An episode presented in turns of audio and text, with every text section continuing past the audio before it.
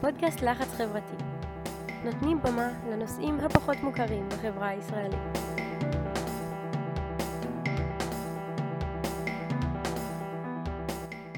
אהלן עידן. היי תום, מה שלומך? החיים יפים, מה איתך?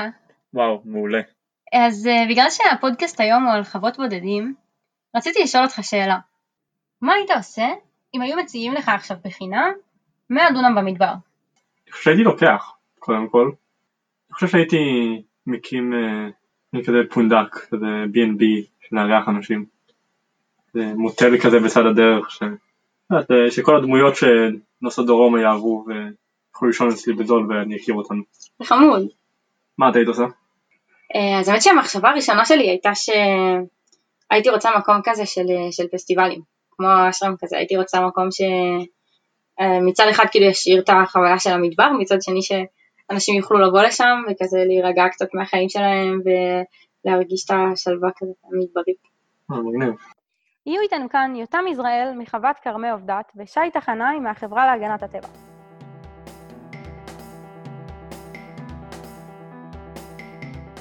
שלום יותם, מה העניינים? בסדר גמור, מה, מה שלומך? אני בסדר גמור, נמצא עכשיו בבסיס שלי בצפון, רחוק מאוד מאוד מהבית, נוף שונה לחלוטין, אבל אה, צריך גם להכיר את זה קצת. אז uh, היינו שמחים לשמוע ממך קצת על, ה... על החוויות מהנוף שאתה כן רגיל אליו. Uh, אתה בעצם גר בחוות בודדים. נכון, אני גר בחווה שנקראת אה, כרמי עובדת, נמצאת ליד אה, שדה בוקר. אני שם מאז שאני בן שנה וחצי. ההורים עלו על הקרקע ב-98. ומה זאת בעצם חוות בודדים? יש המון סוגים של חוות, אני אגיד את זה ככה, יש חוות של אנשים פרטיים שמגיעים והתמקמו כי זה האורח חיים שהם רוצים, אה, יש חוות של אנשים שבאמת רוצים את העניין של ההתמודדות, אבל דווקא אנחנו שונים בהיבט הזה, כי הפרויקט שאנחנו הקמנו את החווה דרכו נקרא חוות דרך היין, במועצה האזורית של רמת הנגב, והפרויקט התחיל מהאמירה להשיג הרבה דברים ש... שיכולנו דרך החוות, על ידי זה שנבוא ונתיישב בקרקע. מציוניות, חזון בן גוריון, למנוע מבדואים את ההמשך התרחבות שלהם בנגב, לאכלס את הנגב בתיירות ובאירוח ובדברים שיגרמו לאנשים להגיע. אז דווקא הפרויקט שלנו הוא לא ממש התבודדות, כי פתחנו את עצמנו לקהל הרחב, ומאז ומתמיד היינו שותפים לעוד 20 ו... ומשהו חוות במקביל אלינו, אז אף פעם לא היינו, אף פעם לא רצינו להיות בודדים. אז חוות בודדים זה מצחיק להגיד, אבל אנחנו בדיוק הפוך מבודדים. כמו שאמרתי, זה פרויקט שהתחיל אה, ב-98', אה, וכשהפרויקט עלה לאוויר, בעצם הציעו למכרז לזוגות צעירים לבוא ולזכות במכרז בקרקע, ולבוא ולהיות חלק מהפרויקט הזה. אה, ברור שזה עלה, ההורים שלי קפצו על ההזדמנות. אה, אני לא זוכר את זה בעצמי כי הייתי בן שנה וחצי, אבל תמונות של אמצע המדבר, גנרטור וקרוון. ככה זה התחיל, ואבא שלי התחיל עם הידיים לשתול גפנים ולבנות את המבנים מחשמל ומים וביוב והכול. אז בוא, בוא תתאר את, ה, את היום-יום בחווה, איך זה... קמים בבוקר, מה עושים? היום-יום בימינו, יש לנו כרגע יקב, יש לנו צימרים, אנחנו מגדלים אה, זיתים והרבה פירות לכיף שלנו. אז היום-יום הוא מגוון, אתה יכול להתחיל בבוקר על הטרקטור בכרם ולסיים ברוח אה, בחנות ובצימרים, ובאמצע הלילה לקום עוד פעם ולערבב אה, חביות של יין בכרם. אז היום-יום הוא כולל המון המון דברים. אה, אני בתור ילד הייתי קם בבוקר, מאכיל חיות, הולך להאכיל את הסוסים, הולך להאכיל את הכלבים, הולך לבית ספר, חוזר, ומשם למה שצריך לעשות. תיקוני השקיה, עבודה כזאת או אחרת, אה, זה ככה היינו כל האחים. ובאיזשהו שלב חוויתם איזושהי התנגדות לחיים שלכם בחווה? אמ, כן, הייתה התנגדות לאורך השנים לפרויקט הזה. ההתנגדות לא הייתה תמיד, היא התחילה אחרי אה, מספר שנים שכבר היינו על הקרקע. אמ, אני בתור ילד לא הרגשתי אותך, חוץ מדיונים אה, בבית על הנושא ותסכול של ההורים בעיקר מהמצב הזה. אמ, אני אף פעם לא חוויתי בעצמי איזושהי התנגדות. אבל האמירה הייתה שחלק מהזמן לא היינו מוסדרים עד הסוף, אז היו טענות שאנחנו לא חוקיים. אה, מבתי משפט שההורים אה, היו תחת תביעות, ואחי הגדול, כשהם עלו לו 18, אני הייתי בן 11, גם הוא קיבל תביעה. כשאני הגעתי כבר לגיל 18, ההסדרה כמעט הייתה לקראת הסוף, כלומר, אותי כבר אף אחד לא רצה לתבוע וזה כבר לא היה על הפרק. השיח בבית היה, היה תסכול של ההורים, שבעצם אנחנו פרויקט, שהוא פרויקט של המדינה, של המועצה, שמו אותנו שם, קיבלנו קרקע, זה היה ההסכם. אמ, אז זה מתסכל, אתה בא ואתה רוצה לעשות פרויקט שהוא חיובי, ולפתוח את עצמך לקהל, ולגרום לאנשים להגיע וליישב את הנגב יחד איתך, ולקחת חלק ב- בכל החזון של בן גוריון, להגיע לדרום, לעסוק בחקלאות, אמ, אז זה מתסכל שדווקא לזה יש התנגדות. עכשיו, בתוך ההתנגדות היו, היו כמה טענות. היו טענות גם שאנחנו לא חוקיים כי השתלטנו, השתלטנו במרכאות על יותר שטח ממה שישבנו עליו, או שבנינו יותר ממה שמותר לנו. אז אחרי עשר שנים באמת משפט, הכל הוכח כ- כלא נכון, והיום כבר המשפט הזה סגור, כלומר אין תביעה תחת אף אחת מהחוות בפרויקט חוות דרך היין, שזה עוד 22 חוות שהן גם אה, כולן בדרך להסדרה עכשיו. ואיך אתם אה, מתחברים לטבע? זה חלק מסדר היום? זה משהו שמעסיק אתכם? כן, החיבור, החיבור לטבע הוא משהו שמאוד אה, חשוב לנו במשפחה ובכללי, כל בעלי הח, החוות. אמ, אצלנו זה בא לידי ביטוי שאני גדלתי באורח חיים מאוד אקולוגי, אמ, בגלל ההורים שלי. אז אנחנו לקחנו את זה לכיוון מאוד uh, אחר, ומאוד הצלחנו לשלב את זה בתוך העסק. כלומר, החווה, המערכת uh, ביוב של הכולה היא מערכת uh, מים אפורים, שהרעיון לקחת את כל הביוב של החווה ולהשתמש בו כמים להשקיה בכרם. זו דוגמה אחת, יש לנו מערכת סולארית שמחזיקה את כל החשמל של החווה, אנחנו מאוד מקפידים על כל מה שנוגע לשימוש בנייר ושימוש בחשמל. טוב, אה, נפלא. תודה רבה ליותם יזרעאל מחוות כרמי עובדת.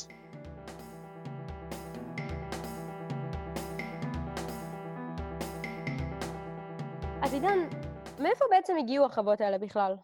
בוא, בוא רגע נעשה קצת סדר באירועים. מאיפה כל זה התחיל? בעצם לקראת שנות ה-90 מתגבש רעיון להתחיל ליישב שטחים גדולים בנגב במטרה למנוע התיישבות בדואית לא חוקית שהייתה נפוצה אז. הממשלה בתקופה הזאת מתחילה לחשוב על תוכנית להקמה של 30 חוות בודדים, שבמקור מיועדות להיות מוקמות גם בנגב וגם בגליל. אה, וכשמדברים אז על אה, חוות בודדים, הכוונה היא בעצם למסירה של קרקעות נרחבות לפרטים בודדים, לגמרי בחינם, פשוט נותנים להם את הקרקעות האלה במטרה שהם יתיישבו שם, שלא כחלק מאף יישוב שקיים עדיין, שזה משהו תקדימי באותה תקופה. התוכנית נקראה דרך היין, בגלל ניסוי שנעשה בזמנו שהראה שרמת הנגב מתאימה לגידול ענבים, ורוב ההתיישבויות נועדו להיות חקלאיות.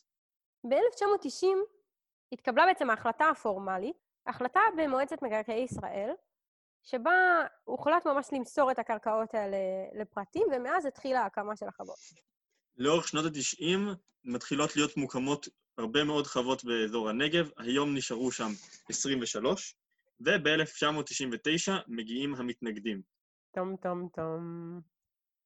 החברה להגנת הטבע, בשיתוף עם אדם טבע ודין, שתי עמותות ירוקות, עותרות לבג"ץ ב-1999 כנגד כל הגורמים המעורבים בתוכנית. ולמה בעצם הם עותרים? בואו נשמע אותם.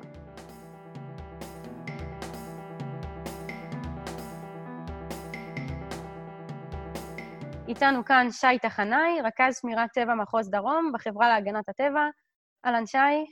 שלום, ערב טוב. בוא, בוא תספר לנו טיפה על הרקע להתנגדות שהייתה ב, בסוף שנות ה-90. החברה להגנת הטבע שמה לה כמטרה להגן על השטחים הפתוחים, שהם לא שמורות טבע והם לא יערות קרן קיימת, אלא השטחים הפתוחים שבעצם לא היה להם אה, אבא, וכל בעלים גבר. והשטחים האלה הם שטחים אה, ערכיים, הם אה, בתי גידול, הם מסדרונות אקולוגיים, ופתאום התחילו לצוץ אה, חוות בודדים כאלה שמביאות איתם הרבה מאוד פיתוח. נקודה כזאת קטנה של משפחה או שתי משפחות יש לה, היא מושכת אליה המון המון המון פיתוח, אם זה כבישים, וזה חשמל, וזה גדרות, וזה עוד המון המון אלמנטים של פיתוח, שבעצם חוסמות את המסדרון האקולוגי ותופסות אה, שטחים שהם בתי גידול של בעלי חיים. הן גם מביאות איתם מינים פולשים, מינים זרים, מינים של בעלי חיים ואם של אה, צומח. אז אה, למעשה הבהרת עכשיו יותר את הפן הסביבתי של ההתנגדות, אבל אה, לפני כן אמרת משהו גם על, ה, על הפן החוקי בעצם של, ה, של ההתנגדות של החברה להגנת הטבע. החוות האלה הוקמו בעצם בניגוד לחוק, אה, בלי תוכניות. כל מיזם כזה אה, נדרש להיתר בנייה כחוק, לתוכנית, ואחר כך להיתר בנייה כחוק. והחוות האלה לא היה להן אה, לא תוכנית ולא היתר בנייה, והם בעצם הוקמו בחזון שלהם על באמת, על מנת ליישב את השטח ולתפוס קרקע מדינה, לשמור על קרקעות מדינה, אה, על מנת שגורמים זרים, קרי הבדואים שהם תושבי האזור, לא יפלשו לאותם אה, שטחים. ואנחנו חשבנו שניתן להגן על השטחים הפתוחים בדרך אחרת ולא בדרך של אה, התיישבות. ואנחנו הצענו דרכים אחרות של שימור, כמו שמורת טבע, כמו שטחים שאפשר לתת את השטחים החקלאיים האלה ליישובים וקיבוצים של האזור, שבין ככה הם כבר שומרים עשרות אלפי דונמים. הם עושים את זה מצוין, בלי להתיישב על אותם שטחים חקלאיים. ספר לנו על אה, המשך העתירה, איך, אה, איך היא נגמרה, מה הייתה ההחלטה? בית המשפט העליון אה, שלח את המדינה בעקבות העתירה הזאת לקבוע מדיניות. וראו זה פלא, מככה בין לילה התוכנית אה, בעצם הפכה לתוכנית התיישבותית תיירותית. הם הבינו שהתוכנית הזאת היא תוכנית לעומתית, תוכנית על מנת אה, לתפוס שטח נגד המתיישבים הבדואים, והם אמרו, אוקיי, בואו נעשה, נהפוך את התוכנית הזאת לתוכנית אה, תיירותית ונחייב את התוכנית אה, שתהיה בה גם אלמנט אה, תיירותי, זה דבר אחד שהם עשו. הדבר השני שאמרה המועצה הארצית לתכנון ובנייה, שאין מקום להתיישבות מעין זו, התיישבות בודדים במדינת ישראל, אלא במקרים בודדים מיוחדים וחריגים, בנפת באר שבע בלבד, דהיינו בין בית קמה לבין אילת. ובסופו של דבר, אה, זאת הייתה ההחלטה של המועצה הארצית, שהיא תופסת אה, עד היום, זאת המדיניות של מדינת ישראל. אז בסופו של דבר, אם מסתכלים רגע תכלס על מה שקרה, יש אנשים בודדים שהמדינה פשוט באה והביאה להם דונמים של שטח בדרום, אה, והם באופן פרטי בעצם במסוג של מנדט שהם קיבלו מהמדינה, חוקי או לא חוקי, זה בדיעבד נשפט, הם קיבלו את השטח הזה והתחילו לבנות עליו והרימו בו חוות. ובדיעבד, מה רציתם שיקרה עם האנשים האלה ש... שגרים שם? אני חושב ש... אה, שוב, זה לא, לא, לא שייך להתנגדות של החברה להגנת הטבע, אבל אה, אותם המתיישבים הבודדים שהמדינה קראה להם ואמרה להם בואו, והמועצה האזורית, ומשרד החקלאות, מינהל מקרקעי ישראל, אמר להם בואו, תבואו, תתיישבו, אנחנו כבר נסדר לכם את, ה, את העניינים. הם בעצם, היו פה איזשהו כלי אה, משחק בידיים של, ה, של השלטון, אה, של המוסדות, ו... הם אה, שחקנים בתוך, בתוך הלוח הזה. אה, אבל חד וחלק, מדיניות התכנון היום לא מאפשרת הקמה של עוד חוות אה, בודדים, כי צורת ההתיישבות הזאת במדינה כמו מדינת ישראל, שמשאב הקרקע הוא המשאב היקר ביותר שלה, מדינה שאחת מהצפופות בעולם המערבי, לא יכולה לאפשר לה התיישבות של אה, בודדים על חשבון השטחים הפתוחים. תודה רבה לשי, שמחנו מאוד לשמוע אותך.